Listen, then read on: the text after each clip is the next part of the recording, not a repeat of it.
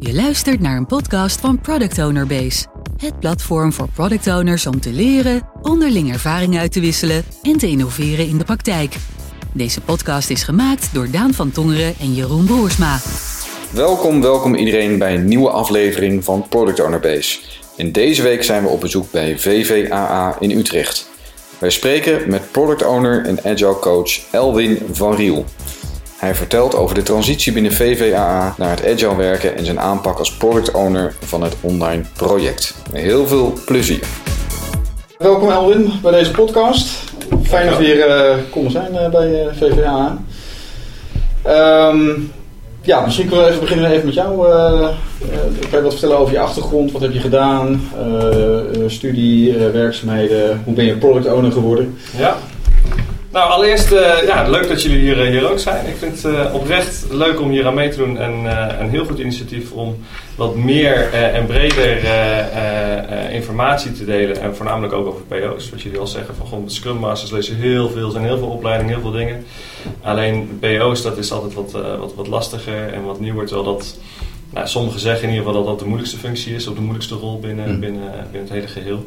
Uh, ik heb marketing management gestudeerd. Uh, hiervoor heb ik uh, vijf jaar lang bij Control gewerkt. Dat is nu USG Finance, financieel interim bureau. Okay. en daar was ik, ben ik eigenlijk opgeklommen tot, tot marketing manager. En van daaruit ben ik helemaal de online kant op gegaan.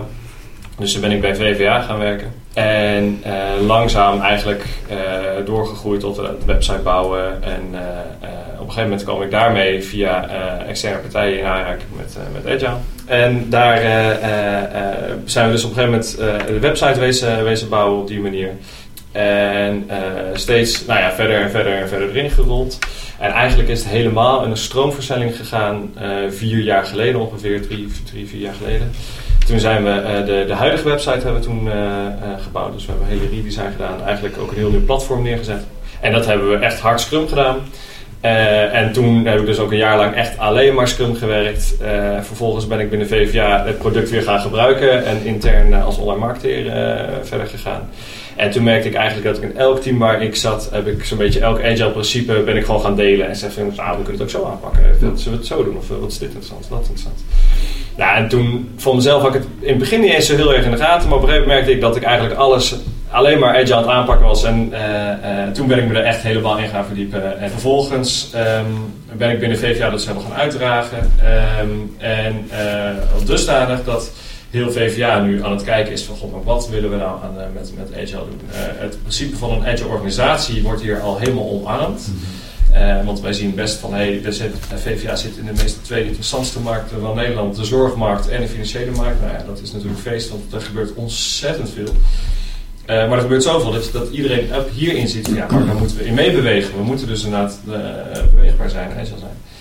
Um, dus dat wordt helemaal omarmd. Maar we zijn dus nu met, met, met de hele organisatie aan het zoeken van ja, dat kunnen we nu wel zeggen, maar wat betekent dat dan en hoe gaan we dat nou doen? En tot, tot teamniveau en tot individueel niveau, wat, wat, wat, hoe gaan we dat nou neerzetten?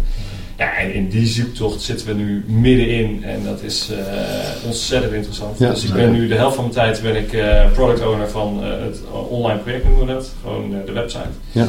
En de andere helft ben ik agile coach noem ik het maar en ben ik dus gewoon binnen de organisatie aan het uitleggen van nou, maar wat betekent dat nou en ook teams aan het aansturen van nou ja, dus ik ben ook scrum master van een team om gewoon puur ook bewijsvorming te leveren van jongens, ja maar als je dus gaat scrummen dan dit zijn de voordelen en dit levert het op.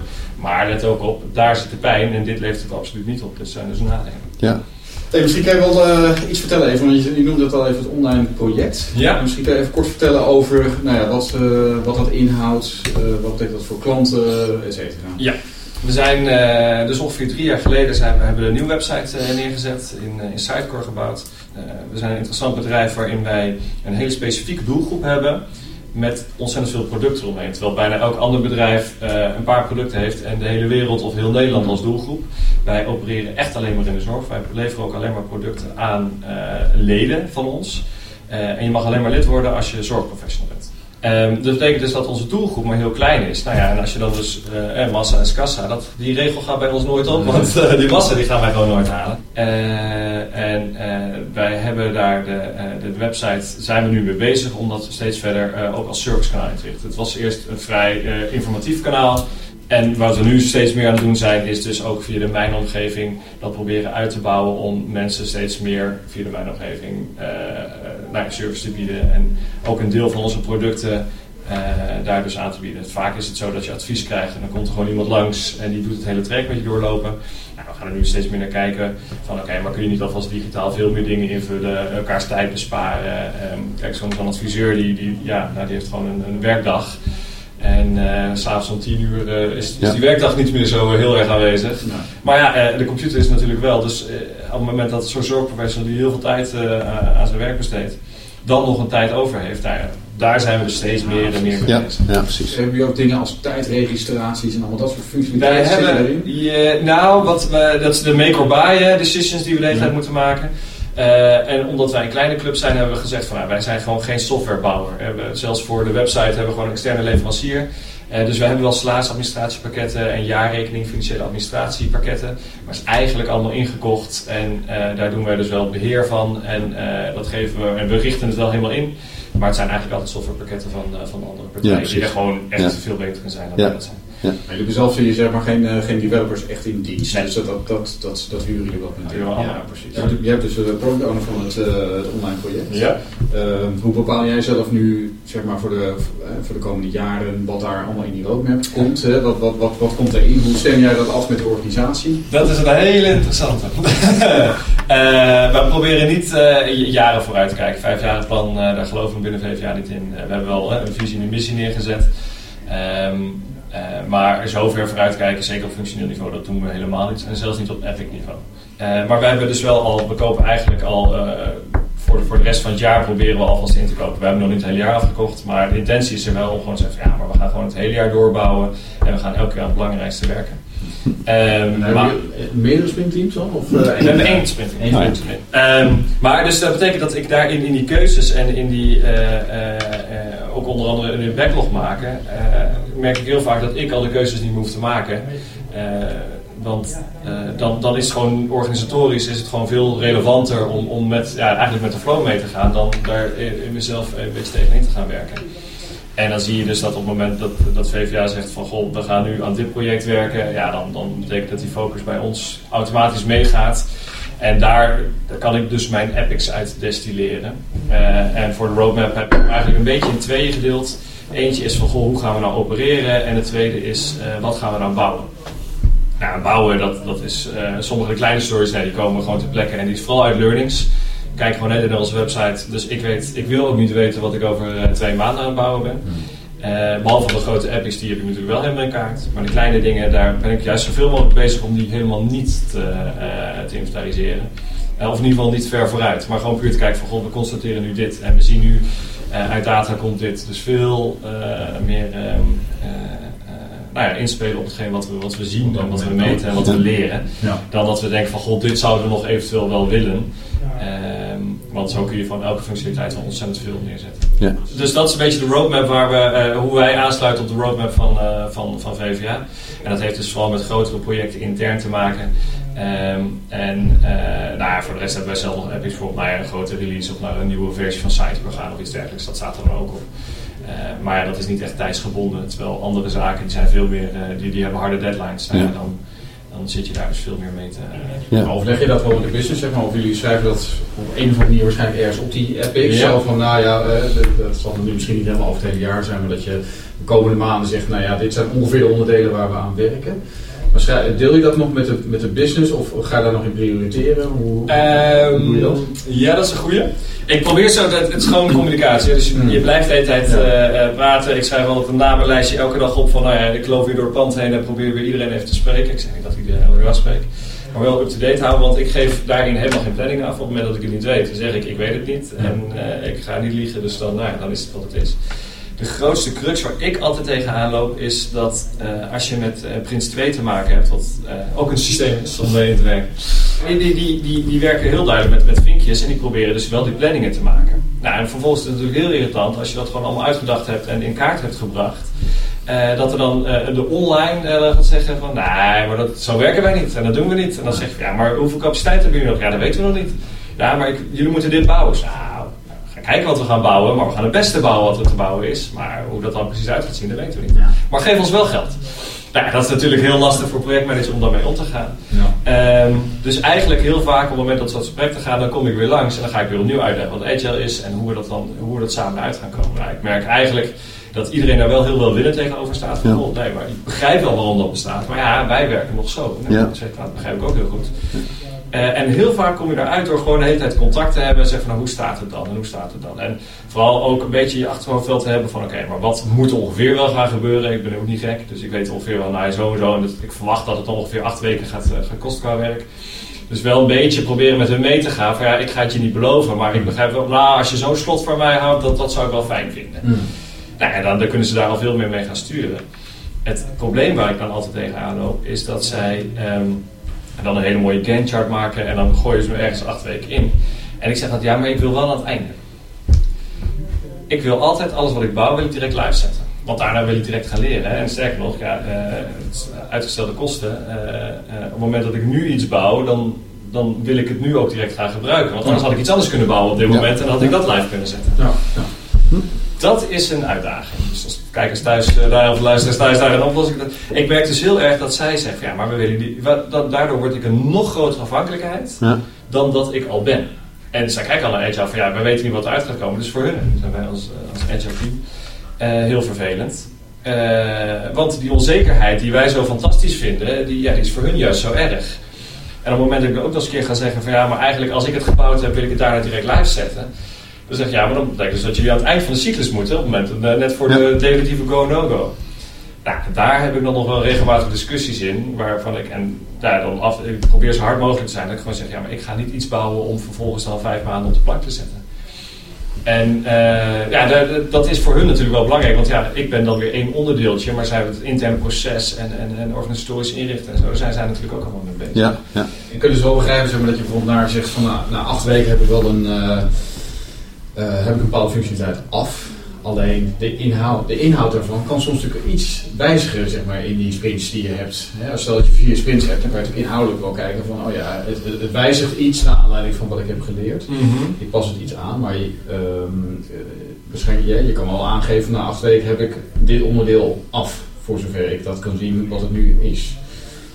Eh, Alleen het probleem zit meer daarna. Dus als jij zegt van ik wil, ik wil het nu live gaan zetten, dan, dan zijn er dus nog wat andere processen waarvan zij zeggen van ja nee, maar dit kunnen we nog niet meteen live zetten.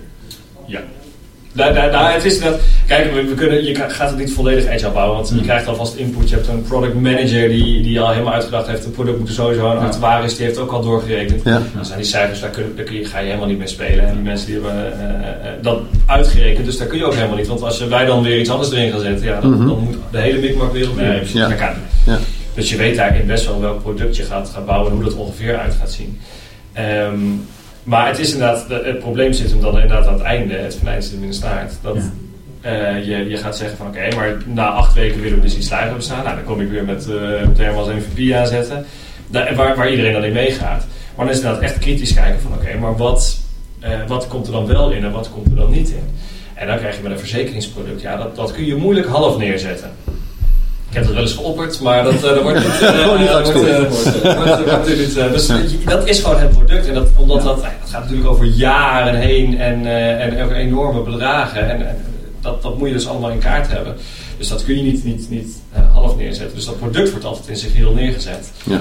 En dat is eigenlijk altijd direct MVP. Dus daar, daar zelfs ik begrijp van, nou, daar, daar, daar hoef ik niet over te discussiëren. Ik moet gewoon met hun meegaan. Ja.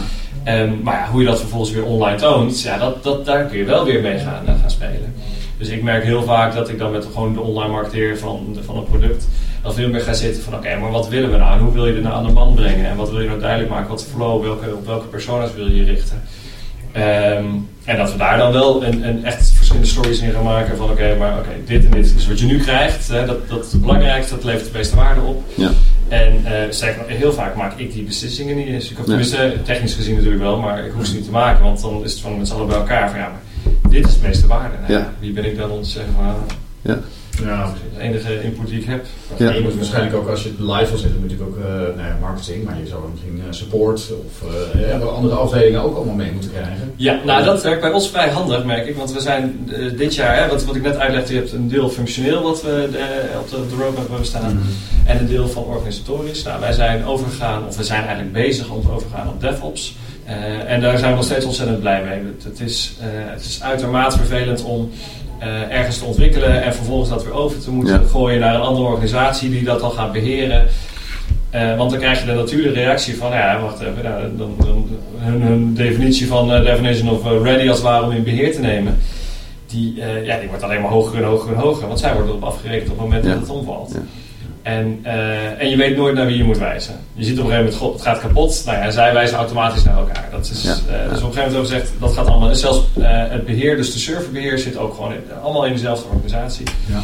Heel flauw, maar dan kunnen wij in ieder geval naar die organisatie wijzen. dan zeggen van, oké, jullie moeten dat oplossen. En hoe groot is jouw team, zeg maar, waar jij hier intern mee werkt? Het team van de, van de leveranciers is nu, uh, zit op uh, vier man. Ja.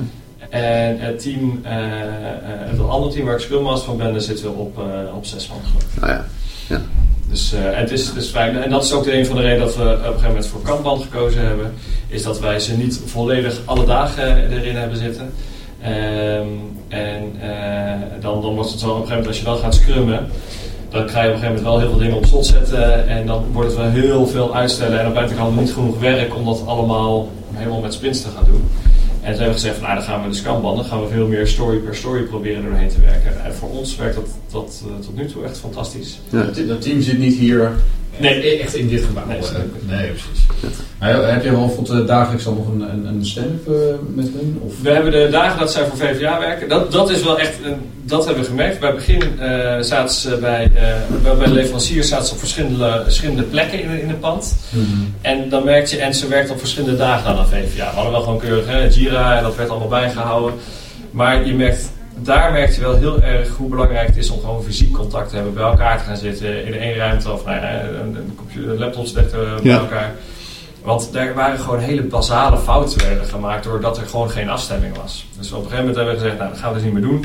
De dagen dat er aan VVA gewerkt wordt, werkt iedereen aan VVA en zitten we allemaal bij elkaar.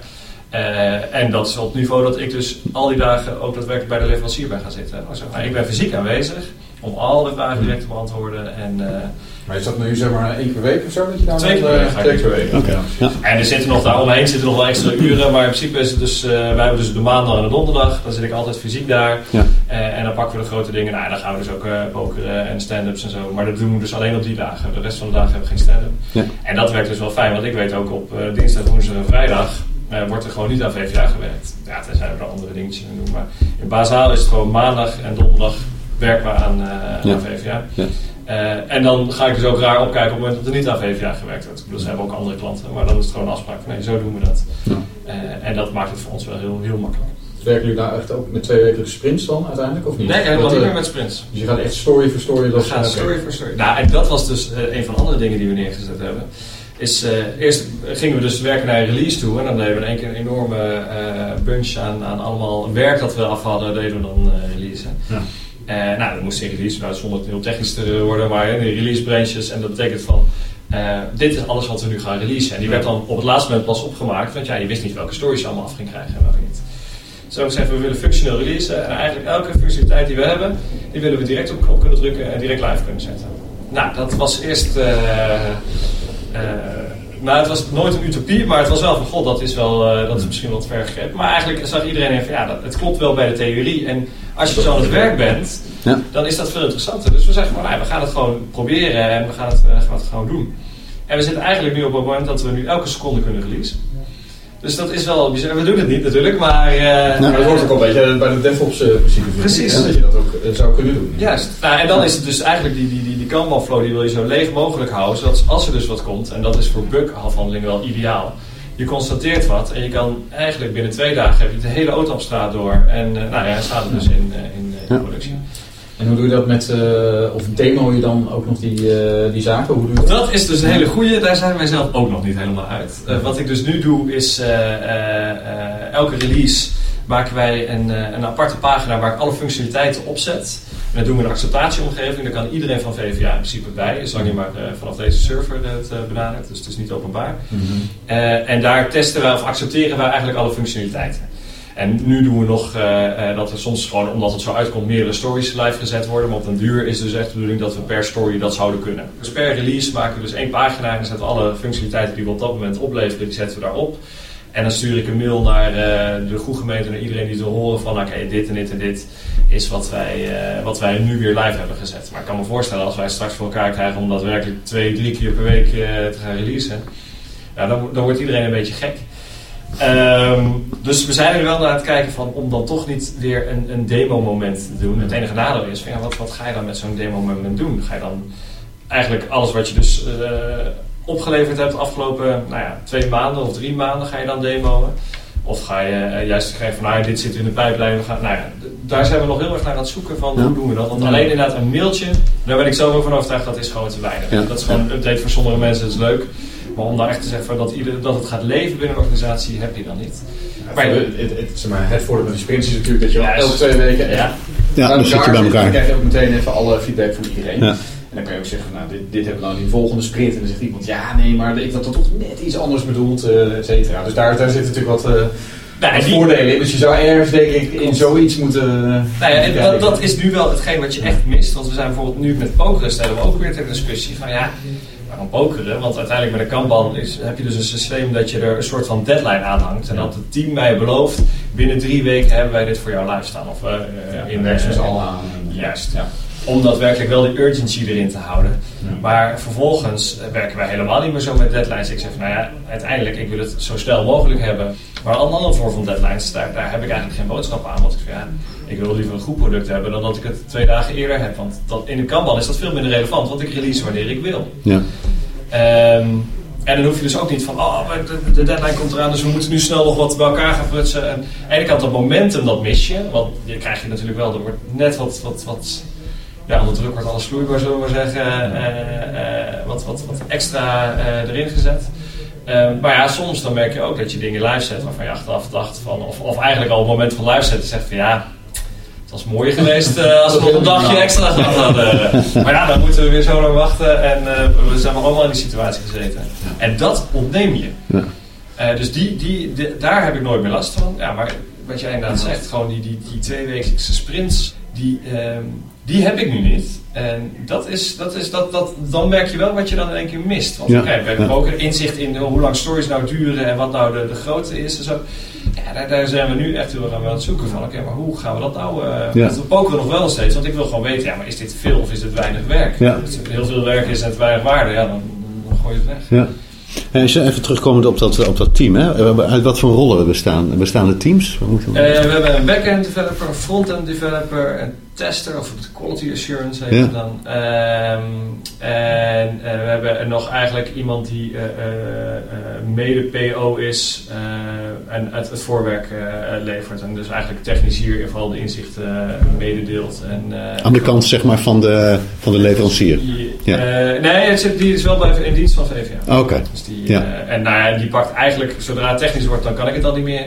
Dus die pakt eigenlijk de, het, eh, de, de grote deel op Ja. om dat, dat, dat goed neer te zetten. En aan de VVAA-kant? Is van dat project eigenlijk, eh, eh, ik ben dan de PO. Ja. Eh, en vervolgens hebben we er wel een projectmanager op zitten. En die, die doet dus wel het, het, het, het hele financiële, zorgen dat daadwerkelijk de budgetten er weer allemaal Ja. zijn. En ook op het moment dat wij interne resources nodig hebben, dan regelt hij dat. Nou, en hij is ook allemaal bedreven in, in, in agile werken. Dus hij begrijpt heel goed waarom we de dingen doen die we doen. Dus hij zegt van, nou ja, weet je, eh, ja, als PO doet, eh, Ja. doet eh, wat jij doet.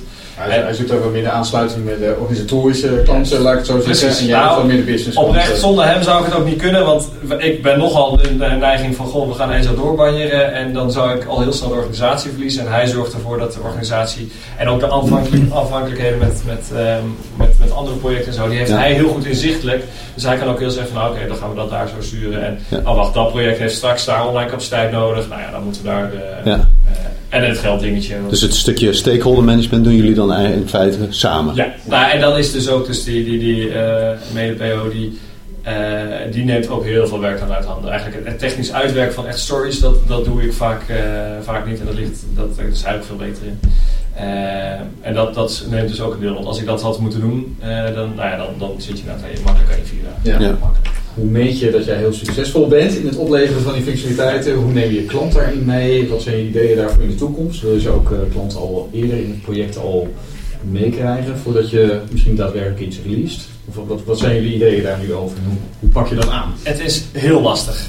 Ehm, tenminste, voor ons is het heel lastig. Uh, ik, we, we, hebben daarin eigenlijk inderdaad zo'n tweedeling. En twee dingen. Van tevoren wil je weten van oké, maar wat is de waarde die dat, deze functionaliteit zou moeten opleveren, want dat bepaalt je prio. En uh, achteraf is natuurlijk van, nou ja, dan heb je het live gezet, levert dat die waarde op. Dus is de klant daar zo blij mee en doet het wat het moet doen. En in beide gevallen is het uh, moeilijk om te bepalen van oké, maar, maar, wat is het nou? We, we, proberen een beetje weg te blijven van allemaal mini-business cases. De grote, daar worden wel business cases voor gemaakt van oké, maar is dit nou een goede beslissing of niet? Uh, maar voor de kleinere functionaliteiten uh, probeer dat niet te doen. Wat we dan proberen is wel te kijken naar, naar de pagina en van oké, maar waar lopen nu bezoekers vast? En, en in, in, in het hele klantreis, die hele flow, mm. waar, waar, zijn nou eigenlijk de bottlenecks? Ja. niet dat we volledig bottleneck-theorie aanhouden, maar wel kijken van oké, waar, waar zit het hem nu in? Um, en dan uh, daar gaan kijken van oké, maar hoe gaan we die bottleneck weghalen? Welke functionaliteit hebben we daarvoor nodig om dat te doen? Uh, en dan proberen we daar dus op die manier waarde aan te koppelen. Van nou ja, stel dat we het nu anders zouden aanpakken, of dit zouden bouwen, of het zo zouden doen. Uh, wat verwachten we dan dat het dat oplevert? Nou, en dat is, dat is geen, geen wiskundige berekening of iets dergelijks. Uh, jullie meten wel bijvoorbeeld bepaalde pagina's die we meten. We meten alles. En, we zien dus nu al van goh, die conversie van, pagina, van productpagina naar formulierpagina, zou ik maar even zeggen. Die, die, zit op zoveel procent. En vervolgens zit dat ook weer op zoveel procent. En we zien ook waar het allemaal vandaan komt. We hebben Piwik onder de site hangen. Dus in principe meten wij vrijwel alles. En, en, we gaan dus eigenlijk naar de hele tijd naar die reis kijken. En daar proberen we dus die waarde aan te koppelen. Dus niet zozeer aan één functioneel. Want dan op een gegeven moment ga je van ja, dan introduceer je een groene knop. Ja, en dan? En dan vervolgens moet je AB testen. Eh, wat een fantastische tool is, alleen dan kom je op het probleem dat wij niet zo heel veel bezoekers hebben. Wij, onze klanten, wij hebben gewoon maar weinig leden. Ja. Dus tegen de tijd dat wij uh, een, een, goede AB-test hebben, ja, dan uh, wij hebben een, een, een flink team. dat, bij ons dat is het leden informatie- en analyse team. En dat zijn dus allemaal kwants die allemaal data en queries en dat soort dingen draaien. Nou, twee zijn echt dedicated op, op online. Um, en die twee webanalisten die, die, die zeggen ook van ja, als je dat goed wil AB testen, ja, dan, dan moet je dus eigenlijk vier maanden gaan draaien. En in vier maanden zijn er al zoveel fluctuaties dat dat dus ook niet goed is. Dus je gaat altijd bij benadering dan maar gaan zoeken. En voor geen ja, je kan dus eigenlijk alleen maar de grotere dingen doen. Niet elke functionaliteit die ik bouw, die kunnen we op functionaliteitsniveau gaan, uh, uh, gaan, gaan testen. En kijk, jullie ook wel eens, nemen jullie ook wel zeg maar, klanten mee? Dat je zegt van nou, ik, ik, ik stop ze hier in een hok. Uh, ja, gaan we met externe, externe partijen hiervan? Ja, externe partijen. En dan doen we dus gewoon, en dan maken we een aantal klantenreizen. en vervolgens hebben we dus zo'n zo'n Google Design Sprint gedaan. Van oké, wat, wat doen we nou? En dan kom je dus op de vrijdag, ga je dus langs klanten en probeer dat weer te laten zien. En elke keer als we dat soort grote stappen bouwen, dan, uh, uh, nou ja, dan ga je met partijs vals plat ga je gewoon een heel onderzoekje doen en uh, dan ben je er een hele dag aan kwijt. Ja. Nou, dat gebeurt één keer in de, in de twee jaar of één keer per jaar ongeveer doen we dat. Ja. We hebben ook, ook, uiteindelijk op de hele site hebben we gewoon feedback tooling draaien. Ja. en daar komt op de commerciële pagina's komt er niet zo heel veel uit, is de ervaring.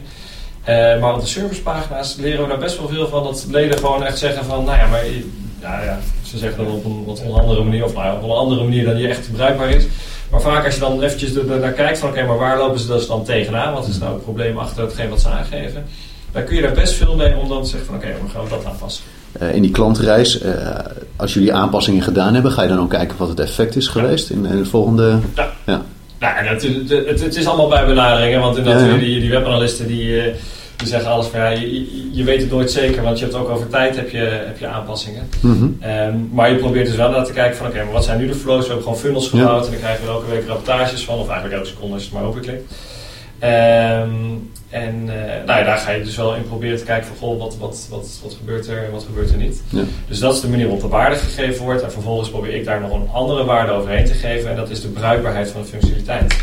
Als je bijvoorbeeld uh, voor de autoverzekering bij ons um, uh, een heel specifiek dingetje, een toeltje bouwt, wat daar de conversie gaat volgen, dat is hartstikke mooi. Maar je kan ook zeggen, nou, we, we doen een generieke toeltje. En dat kunnen we op alle producten of alle dingenpagina's pakken. Um, de, de, online marketeer die zal zeggen, nee, bedoel, voor auto wil ik specifiek dit hebben. Maar ik kan dus wel zelf dan nog iets meer waarde geven aan iets wat we gewoon over de meerdere plekken van de website proberen te bouwen. Ja. Of kunnen bouwen. En dat is wel de, de, manier waarop we nu de, de site, die hebben we dus in stacks hè, uh, opgebouwd. Dus elke keer uh, kun je er weer een nieuw onbeperkt nieuwe blok onder gooien. En dan kun je gewoon elke keer weer een specifieke functionaliteit inhangen. En dan heb je dus een blokkendoos waar je dus onder elkaar dat allemaal doet. Ehm, en die kun je dan weer door middel van dus, uh, roerling kun je zeggen van nou, dit wel tonen, dat niet tonen. Kom je Ja. uit eh, Amerika, dan eh, moet je dit zo doen. En heb je al 14 keer daar geklikt, dan moet je dit tonen. Nou, zo kun je dat helemaal gaan personaliseren. Ja, Ehm, maar dat is dus voor ons relevant dat wij eh, dus functionaliteiten bouwen die op heel veel plekken kunnen inzetten. ja. Het is heel erg zonde om dan voor één specifiek dingetje, dan, nou, dan wordt het op een gegeven moment een beetje duur. ja, omdat je doelgroep natuurlijk ook beperkt is. Hè? Juist. Ja. En eh, dat, dat betekent dus ook dat ik dan daarmee kan ik dus ook nog met waarde gaan spelen. Maar Ja. ja, dat, is, dat blijft natuurlijk een, beetje, eh, een beetje inzicht krijgen van goh, wat, wat, wat is nou echt nodig en wat is nou niet nodig. Ja. Eh, wat zijn dingen die heel erg goed zijn gegaan? Wat zijn dingen die minder goed zijn gegaan? Je hebt iedereen ook wel. Eh, nou, wat, wat ik dus al eerder zei, eh, waar we dit jaar mee bezig zijn om echt naar die functional releases te gaan en naar het DevOps team te gaan, dat merk ik dat dat eh, heel goed gaat. Het, het werkt heel erg om gewoon echt zo'n doel te stellen en zeggen, jongens, dit gaan we doen. En eigenlijk gaan we ons al gedragen alsof het er is. En gewoon, nou ja, fake it till you make it bijna. En ehm, eh, dan, dan kom je er zoveel sneller dan eh, het van tevoren allemaal maar gaan uitdenken. En dan, nou ja, dan zouden de eerste, eerste stap zou dan zijn contractonderhandelingen om van die twee contracten één contract te maken. Zo als je gewoon met z'n allen dezelfde mindset hebt, zeg je jongens, ja maar zo zouden we het moeten doen. En we begrijpen allemaal dat die contracten zo liggen, maar dat is nu even geen prioriteit.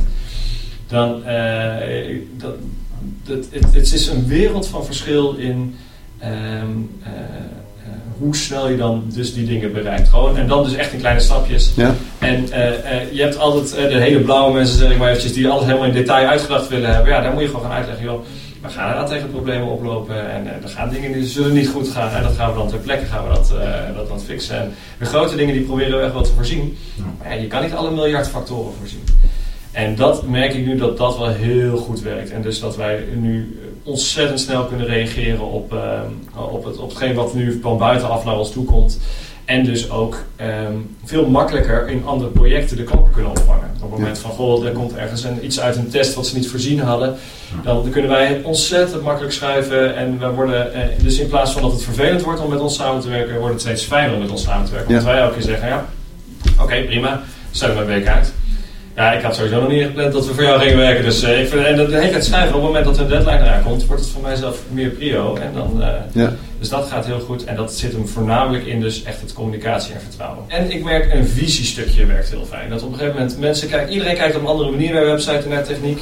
En op het moment dat je dat dus ook weer ontwikkel en beheer uit elkaar trekt, dan Mhm. zie je dat mensen ontwikkelen met een bepaalde visie van ja, we gaan bijvoorbeeld alleen maar stacks bouwen, het moet allemaal modulair.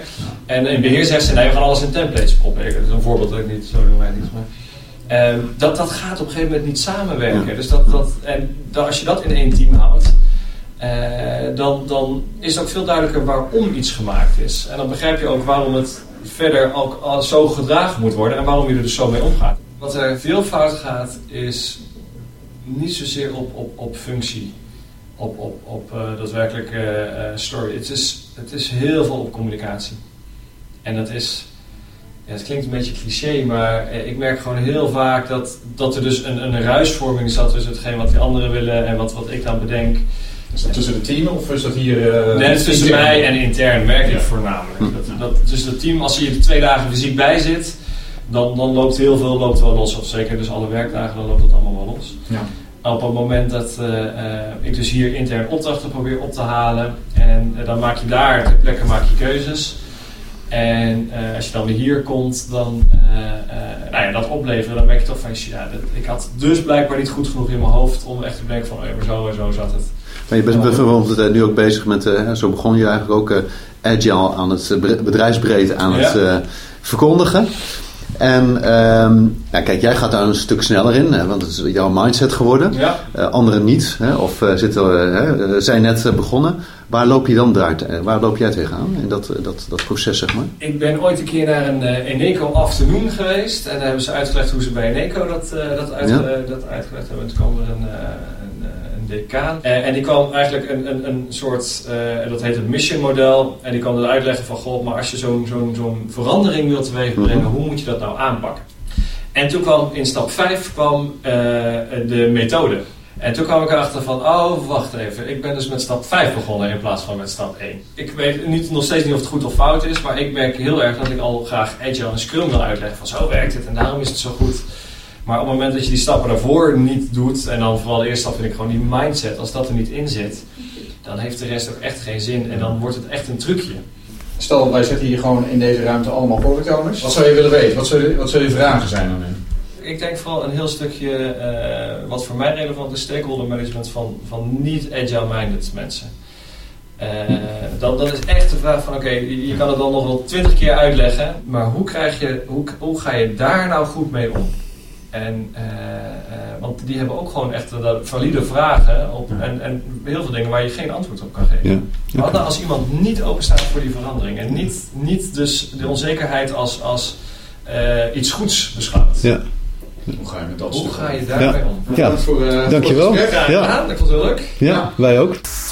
Bedankt voor het luisteren naar Product Owner Base. Ga naar onze website voor meer informatie en deel je ervaringen in de community.